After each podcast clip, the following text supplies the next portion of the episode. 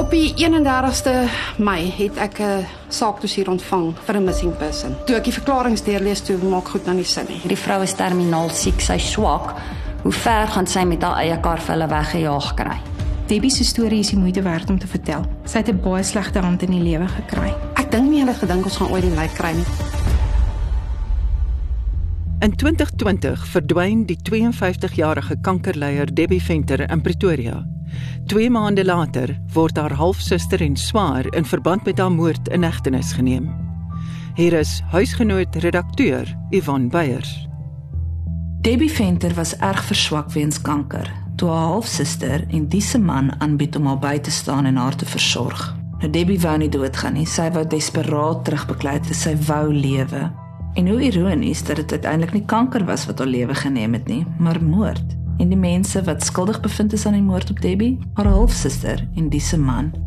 Debbie het net 42 kg geweg toe haar hande agter haar liggaam vasgebind is en 'n plastieksak oor haar kop getrek is. En mense dink net, hoe doen jy so iets aan jou eie familie? Die betrokke joernaliste wat destyds oor die saak berig het, vertel ons van Debbie se aanvanklike diagnose. Joernalis Jane van der Merwe bou 'n tydlyn wat in 2019 begin het en verduidelik hoe kwesbaar Debbie was.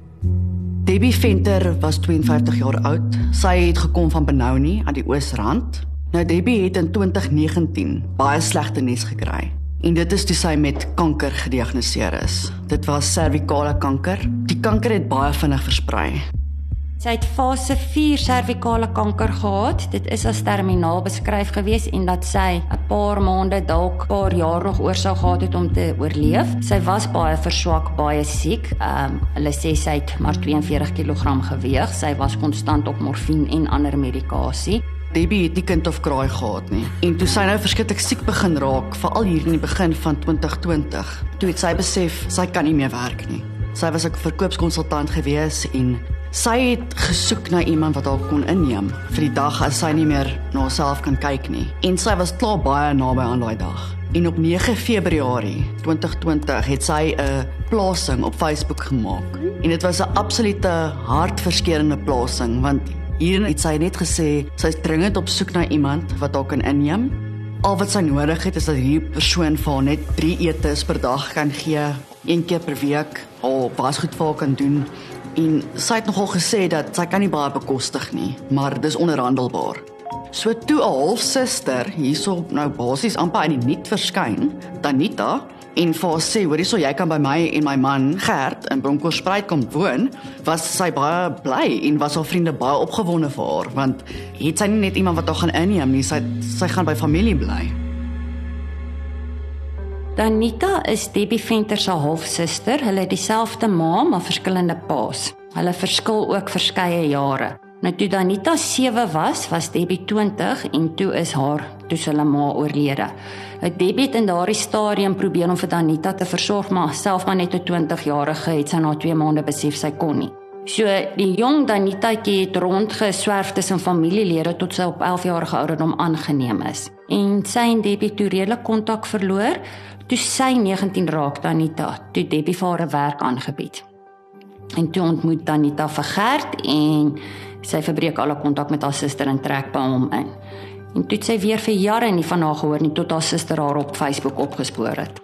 Dit is eintlik vreemd dat na 19 jaar het Danita haar genooi om by haar te kom bly wat baie toegeeflik van haar geklink het. Maar nie Danita of Gert het werk gehad nie en hulle het hierdie blyplek op die hoewe gehuur.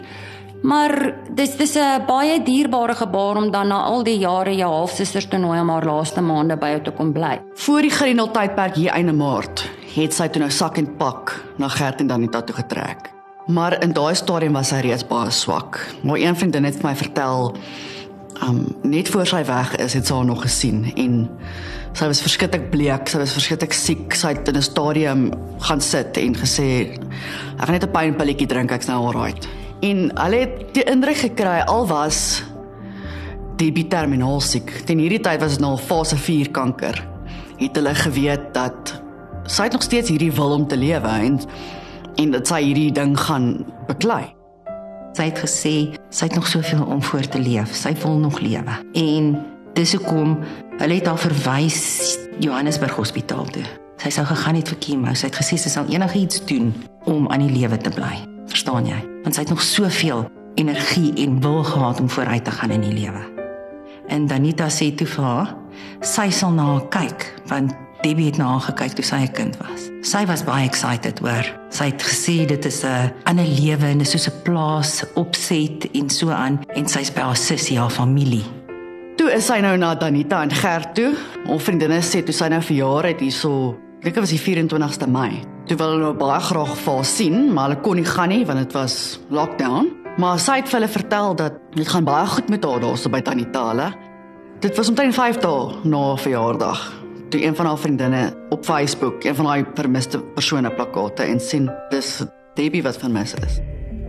In Mei 2020 is Debbie Venter as vermis aangemeld. Maar die verklaringe wat haar familie gegee het, het meer vrae as antwoorde ontlok. Die hoofspeurder in die saak vertel vir ons meer. Ons is gewoonlik effens versigtig met sulke goed want baie keer kry jy gevalle waar mense wil wegraak vir 'n rukkie Maar die storie was bietjie vreemd oor hoe sy weggeraak het, want die oorspronklike verslag was dat haar halfsuster en diese man haar vir 'n doktersafspraak gevat het. Debbie Venter was nog in haar slaapklere met net 'n kappie toppietjie by en volgens hulle het hulle gestop by 'n volstasie en toe hulle uitklim toe sluit sy die deure spring agter die stuurwiel in en jaag weg. Wat in daardie stadium vreemd was want die boodskap was sy's op morfine. Sy is verswak. Sy weeg skaars 42 kg. Nou bitter min vrouens as hulle wil wegraak gaan met niks gaan en net hulle slaapklere. Debbie was baie swak. Mense wat Debbie daai tyd geken het, sou gesê sy was 'n bondeltjie bene. Sy het maar 42 kg geweg. So dit was vir hulle baie vreemd dat sy die pad sou vat. En al kar is toe nou laaste gesien by hierdie volstasie en hulle het dinge gedink soos okay dalk is sy gekaap. Net dalk het sy 'n instorting gehad en sy is nou in hospitaal opgeneem. Hulle het nou amper die ergste begin dink. Hulle het landwyd gesoek. Daar was vermiste persone pamflette uitgedeel daar's op sosiale media. Die media self het berig verskeie koerantberigte met fotos van haar dat sy gesoek is. AO2 het nogal moeite gedoen om die boodskap uit te kry. Hierdie vrou word gesoek en dis dringend. Ons dis letterlik 'n kwessie van lewe en dood hierso. Op die 31ste Mei het ek 'n saakdossier ontvang vir 'n missing person, waarby Gert van Rein die swaar van Debbie Venter as vermis aangemeld het. Toe ek die verklaring deurlees, toe maak goed nou nie sin nie. Die maandag toe het ek 'n onderhoud weer gehad met Gert van Rein en sy aanvanklike verklaring en sy onderhoud met my het glad nie gekorrespondent. Dit was heeltemal twee stories. En toe ek Sergeant Marie ingeroep en vir gesê sy gaan deel wees van die ondersoek. Ek wil hê sy moet vir Danita van Rein inroep en dan 'n onderhoud met haar hou. Alhoewel Tosin is die ondersoekbeampte op die vermiste persoon, waar Debbie Venter as vermis aangegee is. En toe sy kom vra en gesê daar's 'n persoon wat vermis is, wat terminaal aan kanker is. Uh, sy het hulp nodig om die vermiste persoon te soek. Ons het toe vir die persoon wat haar as vermis aangemeld het, Gert van Rein, en sy vrou ingebring want hulle was die laaste mense wat haar gesien het volgens die vermiste persoon, Lair. En hulle het ingekom die volgende dag. Hulle was laat vir hulle afspraak gewees en ek het met Tanita van Rein begine werk.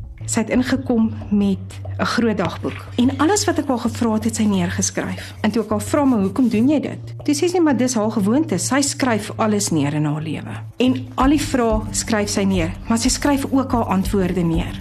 En toe ek so oor my tafel loer en ek kyk op die bladsye wat sy opskryf, toe is dit die dae wat Debbie Venter vermis geraak het en die bladsye is skoon. Daar's absoluut niks geskryf. En ek het vir haar gevra sy moet vir my begin verduidelik van die oggend af wat het hulle gedoen vandat hulle opgestaan het. En sy verduidelik dis lockdown, nie sy of Gert werk nie. So hulle staan eers 9:30 op. Hulle het reggemaak om dorp toe te kom. Hulle het met Debbie se karretjie ou Ford Escort dorp toe gekom. Maar Debbie het nooit iemand toegelaat om haar karretjie te ry nie. Hulle sê Debbie is die bestuurder en hulle gaan Silverton toe. Hulle gaan kwotasies kry vir karparte want hulle hulle moet hulle Langley kar met hulle regmaak. Sy noem die plekke op waar hulle was en dan was hulle ook by Mamelodi Hospitaal omdat Debbie so verskriklik siek was, wou hulle vir haar nog pynmedisyne gaan haal. Hulle is na die BP garage toe om pastaatjies te gaan koop. En toe hulle uitklim, klim Debbie dood eenvoudig terug agter die stuurwiel. Sy ry af en niemand sien haar ooit weer nie. Op haar vermiste persoonsverklaring wat Gert gegee het, het hy gesê sy was in haar pyjamas, sy het 'n doek aangetree en sy het 'n kateter gedra want sy was sy was op haar laaste gewees. As jy jou logika gebruik, kan jy nie dink dat enige persoon wat so siek is in haar pyjamas mense vat om kwotasies vir karparte te gaan haal nie. Toe ek vir Danita vra, "Is jy doodseker dat jy na die BP garage toe gegaan het?" Want ons was toe klaar by die BP garage en ons kan nie daai Ford Escort karretjie glad nie op enige CCTV kry nie. En sy sê vir my, "Ja, ek is seker. Ek onthou dit, want iemand het nog voor Gert ingery en toe het hy op hom gevloek. So wie het dan bestuur? Dit was die venter nie." En toe het ek besef iets is verkeerd. Haar en haar man se verklaring het nie meer begin ooreenstem nie. Hulle het dieselfde storie vertel. Tot en met waar hulle sê Debbie hulle gelos het by die BP garage in Simon Vermoten. Maar hulle het nooit gesit en gepraat oor hoe hulle teruggekom by die huis nie. Toe Gert daar by die polisiestasie kom aangee as vermis. Toe sê hy hy het 'n vriend van hom gebel om hulle in Pretoria op te laai en terug te bring Bronkhorstspruit toe. Haar weergawe is, hulle het taxi gevat Hulle het R18 betaal. Die taxi het hulle afgelaai by die Mamelodi kruising en daar het hulle 'n uh, saamry geleentheid gekry saam met 'n onbekende blanke man. Geen lid van die publiek praat van 'n onbekende blanke man nie. Hulle praat van 'n oom. Ek het agterkom sy het haar storie het sy geoefen voor die tyd. En volgens haar het die oom hulle toe nou gevat tot op die T-aansluiting, die grondpad wat na die plot toe moet gaan. Daar het hy hulle afgelaai en hulle het ingestap plot toe, 3 km. Ek het Pretoria toe gery, al die winkels besoek en ek kon dit nie terugdoen terwyl die son skyn nie, want ek het al gevra toe jy afgeklim het by hierdie oom wat julle 'n saamry geleentheid gegee het en jy met die grondpad stap. Hierdie son nog geskyn of was dit donker? En jy weet as jy 'n grondpad in die donkerte gestap het. En sy het gesê die son het geskyn en is onmoontlik. Sy kon nie al daai goed doen op 'n wintersdag as die son vroeg sak dat die son nog geskyn het toe sy teruggekom het nie. Ek het toe section 205 gedoen op Debbie se selfoon en daar het ek gesien dat al haar geld is van haar bankrekening na Gert van Rein se bankrekening oorgeplaas. Toe het ek section 205 gedoen op Gert en Danita se bankrekening waar ek toe agtergekom het die geld is presies in die helfte gesplit van Gert se rekening na Danita se rekening. Die spelers het in daai tyd alsnou van die neus gekry dat daar 'n oorplasing was van Debbie se rekening na Gert se rekening omtrent by die 68000 rand en dit was dadelik vreemd. Ek het 'n afspraak met hulle gemaak om hulle by die plot te kry. Ons afspraak was gewees vir 9uur. Toe ons 8uur opgedaag het, is hulle weg. Die plot eienaar het gesê hulle is vroeg die oggend is hulle al uit. En toe ons hulle bel, toe sê hulle in die huis vir 'n werksonderhoud iewers in Pretoria. Hulle kan nou ongelukkig nie daar wees vir die dag nie. Die eienaar van die plot het vir ons die perseel oopgemaak en ons het die huis begin deursoek. Sy woorde was dis ongelooflik hoe skoon dit is. Jy moes gewoonlik oor al die hope rommel klim om tot op enige punt te kan kom. Jy kon geëet het van daai vloere af. Alles in die huis is stelselmatig gedeursoek. En daar was absoluut niks van Debbie Venter in haar huis nie. Sy het nie 'n paar skoene gehad nie. Daar's 'n laai en 'n laaikas wat pynmedisyne gehad het en purgasiemiddels, dis wat sy meestal gebruik het, en daar was een stelletjie pyjamas in die tweede laai gewees. Nie 'n tandeborsel nie, nie 'n haarborsel nie, niks wat ons DNA op kon kry nie. Ons is deur al die asblikke. Nou as jy ooit op 'n plot gebly, dan weet jy, vullis verwydering daar werk so 'n bietjie anders. Dit is nie die trok wat op 'n Dinsdag opdaag nie. Die asblikke is duidelik vir die hele ruk nie skoon gemaak nie. Ons het alles uitgegooi en binne in die asblikke het ons stukkies papiere gekry. Opgeskeer so groot soos R5 stukkies en ons het hulle geplak tot 3 uur in die oggend. En daar was alles op. Al die vrae wat ek al gevra het tydens die onderhoud, al haar antwoorde, al die planne wat sy gemaak het met geld wat sy iewers vandaan sou moes gekry het. En Gert en Danita was net weg. En dit is toe hulle geweet het dat daar's meer aan Debbie se verdwyning as wat hulle gedink het dat hierdie baie naby aan die huis was, dat hierdie geen kaping was, geen ongeluk was nie. Kliniese sielkundige en profielsamesteller professor Gerard Labuschagne beklemtoon selfs die kleinste besonderhede van die saak voordat gevolgtrekkings gemaak word. So in this particular instance, I think at about one o'clock in the morning, the male suspect comes to the police station in Bronkhorstspruit to report a missing persons, which on its own, you'd kind of wonder why at one o'clock in the morning, but okay, that's not impossible. But the investigating officer who initially gets the case, she thinks there's something does not adding up around this whole scenario. It doesn't really make sense. And of course, if he was saying that they took her, they were on the way to the clinic, she was such a sickly lady, they get out the car and she suddenly drives off with the vehicle, also doesn't sound quite adding up. So she decides to get certain experts involved from crime scene people. They want to go search the, the house where she was staying. Uh, which of course is the suspect's home. She calls in specialists from the investigative psychology section, my old unit of the police, to come and give some input and advice.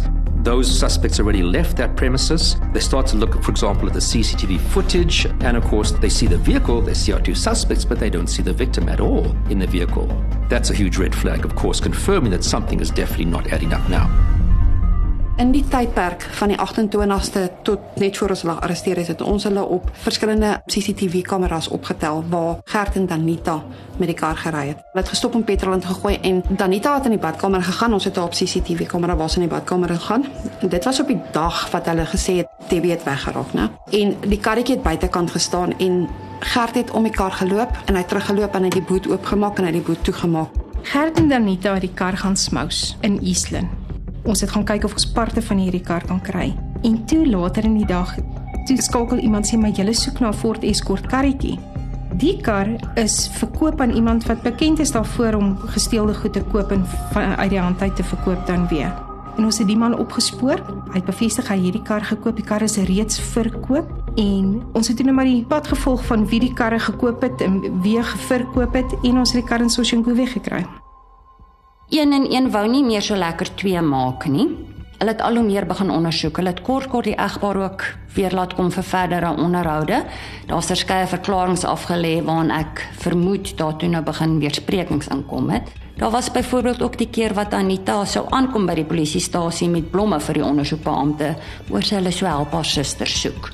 30 Mei het Anita op Debbie se Facebook 'n boodskap gesit wat amper vies geklink het waarin sy gesê het maak kontak. Hierdie is baie lelik van jou om mense wat omgee en bekommerd is oor jou nie te antwoord nie. So Danita het definitief die indruk geskep dat hulle nou net so bekommerd is dat Debbie nou weg is. Hierdie post het vir my vertel dat daar 'n groter probleem is as 'n vermiste persoon. Die Pink Ladies was ook betrokke by Debbie se soek gewees. So baie van hierdie goed was geshare, maar Sissy Anita het niks van dit gedeel nie. Toe sy begin boodskappe stuur en haar dialek in die boodskap is verkeerd. Jy weet om te sê dat iemand wat geonderskraag die rug toe keer, dit is nie ons Afrikaanse mense praat nie. Ek sal 'n foto van my sussie opsit en sê help my, my sussie is weg. Die polisie was baie kieskeurig met inligting oorspronklik en in terugskouing besef jy nou dit is oor hulle snif in die neus gehad het, maar jy sit met 'n saak wat begin as 'n vermiste persoon. So almal soek maar net iemand wat dalk vermis geraak het, wat weggejaag het. Maar hulle die eenheid die, die honde eenheid betrek, hulle die kubermisdaad eenheid betrek, hulle tot die sielkundige afdeling betrek. En met al hierdie kundigheid het dit hulle gelei na haar selfoon toe, na waar die kar opgespoor is op die ounte Mabopani. En so het hulle al die toutjies bymekaar begin kry en natuurlik deur fyn onderhoudvoering want elke keer is die van Rein egpaar gevra kom terug vir 'n verklaring en ek vermoed dat elke keer iets anders 'n bietjie begin uitkom wat hulle toe nou gesê het is iets vreemds. En natuurlik die logiese afleiding van hierdie vroue is terminaal siek sy swak. Hoe ver gaan sy met haar eie kar vir hulle weggejaag kry So, what really stands out for me from this case, it boils down to an investigating officer thinking something's wrong and then doing something about it. And that's really the key to what makes a good investigating officer. You get a missing persons report in this instance, it doesn't add up. You could very easily have just gone through the basic routine stuff as a missing persons report. You know, you have certain boxes that you need to check and make sure you've done, and left it at that. But not accepting it and deciding to press forward as if this is a suspicious disappearance of the person. Getting the necessary resources involved to assist you, and very quickly solving uh, a case that turned out to be a murder. Die van Reins het gaan wegkruip by 'n familievriend van hulle. En hulle het 'n hele rukkie daar gebly. Ons het geweet waar hulle is, maar ons het gewag dat ons genoeg bewyse het voordat ons die arrestasie uitvoer. Begin Julie het die polisie toe nou die egpaar gearresteer op 'n aanklag van moord. Daar was nog in die stadium geen lijk nie. Hulle het volgehou dat Debbie weggeraak het, maar duidelik het die polisie genoeg bewyse gehad om aan te dui dat sy vermoor is. Toe Gert en Anita gearresteer is, het ons hulle gearresteer vir moord, ehm um, vir diefstal, vir bedrog, defeating the end of justice en ander klagtes. Kan nou nog steeds nie 'n lijk nie. Ons het geen aanduiding van waar Debbie is nie. En in daai tyd het ek en Sergeant Marie elke body van 'n vrou wat gekry is, het ons opgevolg en gekyk en ons het posters uitgestuur en ons het oral gesoek. Kry nie 'n lijk nie.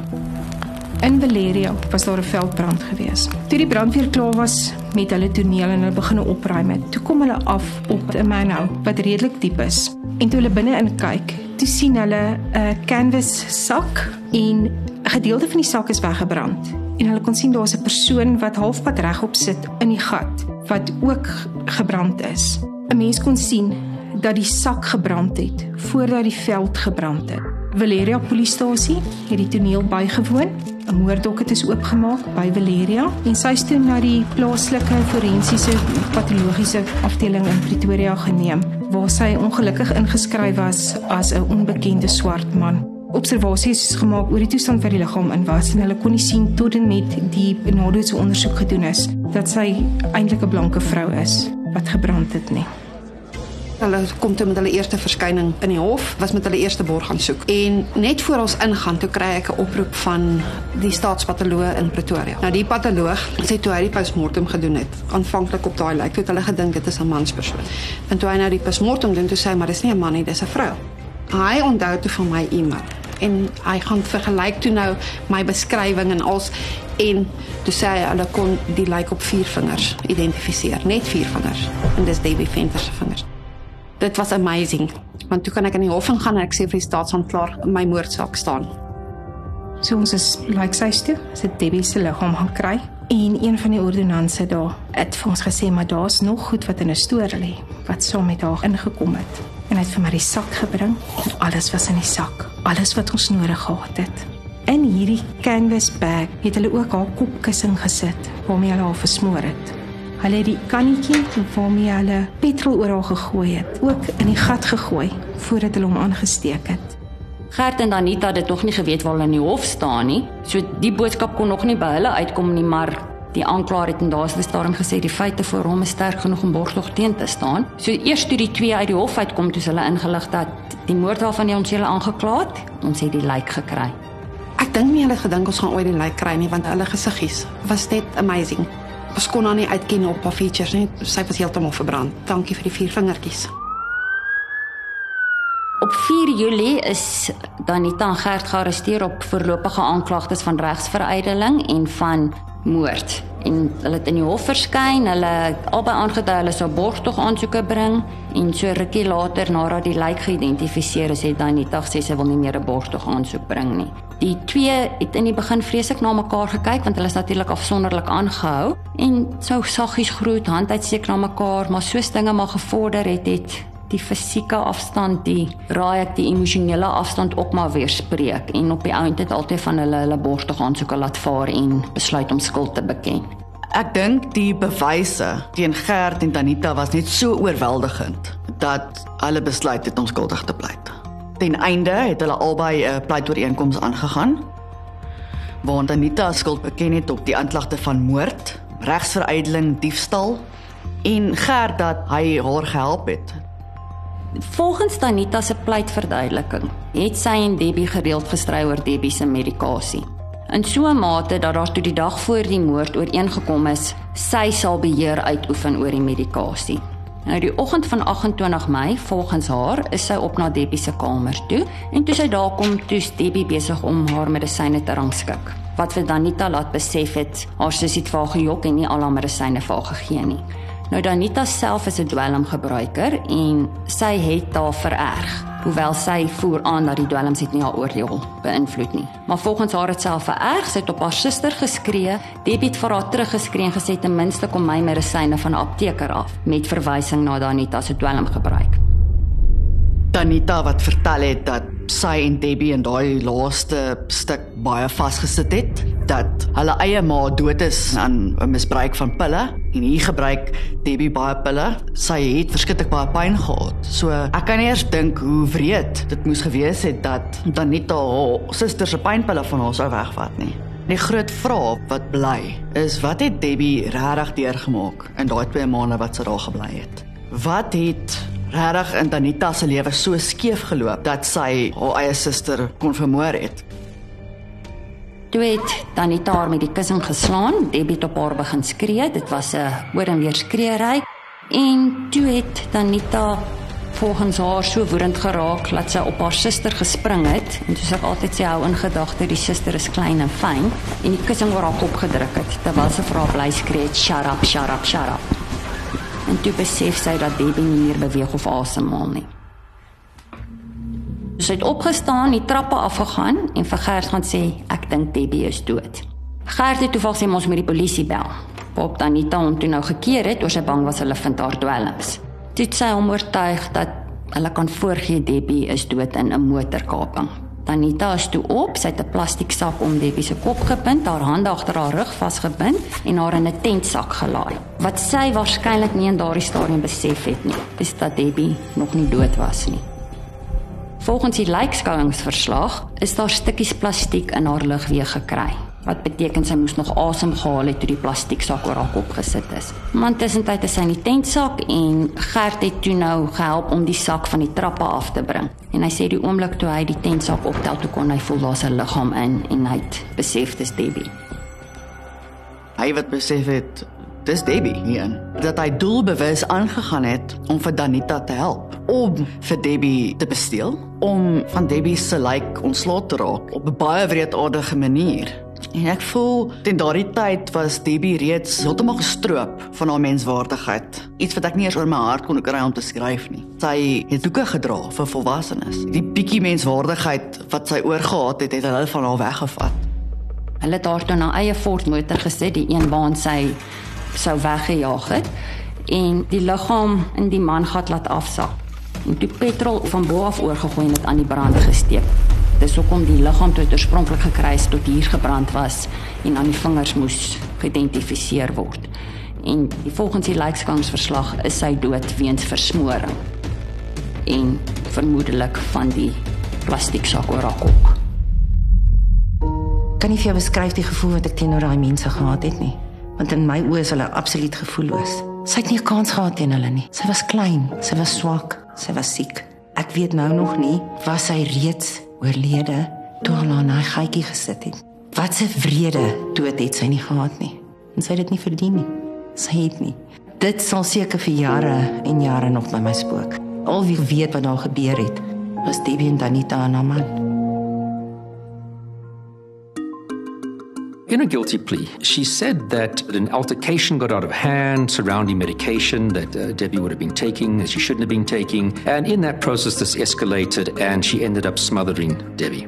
My problem with that is if you look at this whole scenario, you have a woman who's very sickly, who's literally weighs 42 kilograms, has to wear adult diapers, who had collapsed days before and is unable to look after herself. This person would not be able to put up any physical resistance. So, how does the altercation get physical? Because there's only one person who's getting physical in this case, and that's our suspect. And then, secondly, if you look at what happened afterwards, you know, covering it up, that's one thing. But also, then, does one spontaneously then decide, well, we may as well clean out her bank account, and while we're at it, let's just sell her car? Were those afterthoughts? Die groot vraagstuk wat by my opgekom het, omdat Danita dit dit klink het asof dit nou net 'n impulsiewe daad was. Het dit ook vir my laat dink dat die waarheid wat met Debbie gebeur het, nooit regtig uitgekom het nie. Want waar en watter stadium het hulle besluit dat hulle haar gaan vermoor vir haar geld? We have a 19 year period where the two half sisters have not seen each other. There's been no contact. This absence of 19 years which is almost half the lifespan of our two suspects. So, how much of a relationship was there? Was it with good intention that they originally contacted her and made the offer? I can't see any other motive of this crime than financial. You've got somebody who has money, not a lot of money, but that money is wiped out immediately after she's gone. Her vehicle is sold, etc. This was about money. But unfortunately, what you're sitting with is a guilty plea that's been made where at least you are pleading guilty to actually murdering someone. Probably the prosecutor realized that these weren't necessarily probably exactly the right facts, but we have someone who's pleading guilty and you can get an immediate conviction rather than going on trial. And ultimately, on trial, you might not necessarily get a conviction. So I can imagine the prosecutor thinking, I know that this is probably not exactly how it played out. The person's probably trying to soften the blow by making us sound like not such a bad person, but we are going to get a guilty plea. And I don't blame the prosecutor for proceeding along those lines. So if you look at the objective facts of what happened, it's looking more like a premeditated type of murder with the intention of being financial benefit to accused versus her presenting it as something that was still a murder, but perhaps more spontaneous in how it developed. You can see how we ended up with that particular plea. Danita het 25 jaar effektiewe tronkstraf gekry, maar sy het ook skuld beken op meer klagtes. Dit was moord, heel reguit, dan twee klagtes van diefstal van die polisgeld en van Debbie se kar en dan regsveruideling oor die lijk versteek het teenoor die vals vermiste persone saak. Gert het 15 jaar tronkstraf gekry want hy skuldig bevind as begunstiger na die feit van die moord. Wat beteken hy het besef sy vrou te moord gepleeg, hy het haar gehelp om dit te verberg en hy het niks gedoen om vir Debbie te help nie. Hy het nie seker gemaak sy's regtig dood nie, hy het nie mediese hulp ontbied nie en dan ook diefstal van die polisgeld. Gert was baie lief vir Danita. Baie baie baie baie lief vir Danita. Ehm um, maar op die einde van die dag het ehm um, ek dink sy sê oorsaak dat hy nou in die tronk sit. So, whenever you have two suspects involved in a crime, there's invariably going to be one who's more of a dominant personality over the other. And I've seen that countless times in, in serial murder scenarios where you've got two uh, suspects, or again, husband and wife in a different type of scenario. And it's not always going to be the simple rule that, you know, the man's going to be the dominant one, or the bigger one of the two are going to be the more dominant one. It's very often not what you suspect. So, is it possible that uh, she convinced the husband to, to participate against his will? Of course, it is possible. So, someone being roped into a crime afterwards, or at least accessory after the fact, if you want to use that uh, that phrase, uh, it's not uncommon. It's difficult to say how often it actually happens, but I've definitely worked on cases, and it's very often where there's a close bond between those two individuals. So you're leveraging on this sort of a relationship you have, whether it's a romantic relationship or friendship, etc., to get this person to assist you uh, in actually covering up the crime afterwards. But of course, that in itself is a crime. Wat hierdie moord so afgryslik gemaak het, is dat Tanita God gespeel het daardie dag. Dat haar suster terminaal siek was met kanker, dat sy in haar laaste tyd van haar lewe was en dit sy besluit het om haar lewe te neem. Wat vir my hartseer is is dat mense hier naaste aan jou wat sê hulle gaan jou versorg, doen wat gedoen is En nou ek ek dink as jy die dag jouself commit om iemand te versorg en deur te sien tot op die einde, moet jy verstaan wat jy besluit, want dit is nie 'n maklike pad nie. Dit is vir my baie baie sleg dat iemand deur 'n familielid so geskend is en sy sy het nie lank oor gehad nie dit was regtig ek dink nie sy het regtig langer as 2 maande oor God nie sy was bitter siek geweest so vir my net om net net om haar 'n voice te gee en net om vir haar justice en haar family closure te gee was vir my baie belangrik en wat vir my sê was van die saak is is haar pa het voor dit hy het net twee kinders gehad Dis Debbie en haar boetie. Haar boetie is is 'n rukkie terug gesy dood aan aan 'n hartaanval. So Debbie was al wat die oom oor gehad het. Dis dis nog die briefie wat hy in die hof voorgegee het. Hy gesê hy kan hulle nie vergewe nie. Hy sê vir hulle kyk sien hy monsters. En waar hy die kwaadste is, is hy het aanvaar hy gaan tyd hê om saam met sy sterwende dogter te kan bid om vir haar afskeid te neem en 'n laaste gebed te kan sê. En dis van hom ontneem. En hy bly in sy kop oorspeel waardeur is sy wat het sy gedink? Wat het sy gevoel? So in die stadium kan hy nie vergewe nie en hy leef nou maar vir die dag wat hy haar in die hemel sal sien en vir haar kan vertel hoe lief hy vir haar is en hoe jammer hy is. Dit was baie hartseer. Die dag toe ons hogeregshof toe gegaan het was die hofsaal leeg. Debbie se pa was daar haar stiefma was daar gewees. Hulle was baie lief vir haar gewees. Daar was geen familie vir die van Reins gewees nie dit was Debbie se familie en die polisielede wat daar gesit het. Die hele ondersoek het oor Debbie gegaan. Debbie se storie is die moeite werd om te vertel. Sy het 'n baie slegte hand in die lewe gekry. Debbie was 'n niemand. Sy was 52 jaar oud. Sy het stage 4 kanker gehad. Sy het nêrens omheen te gaan nie voordat sy vermoor is, het sy maar iets soos 3 maande oor gehad om te leef. Dit is die tydperk wat sy gehad het. Ek voel as ons nie opgetel het dat daar 'n foutjie is, sou Debbie net nog 'n spook gewees het, nog iemand wat net weggeraak het. Daar sou nie justice vir haar dood gewees het nie.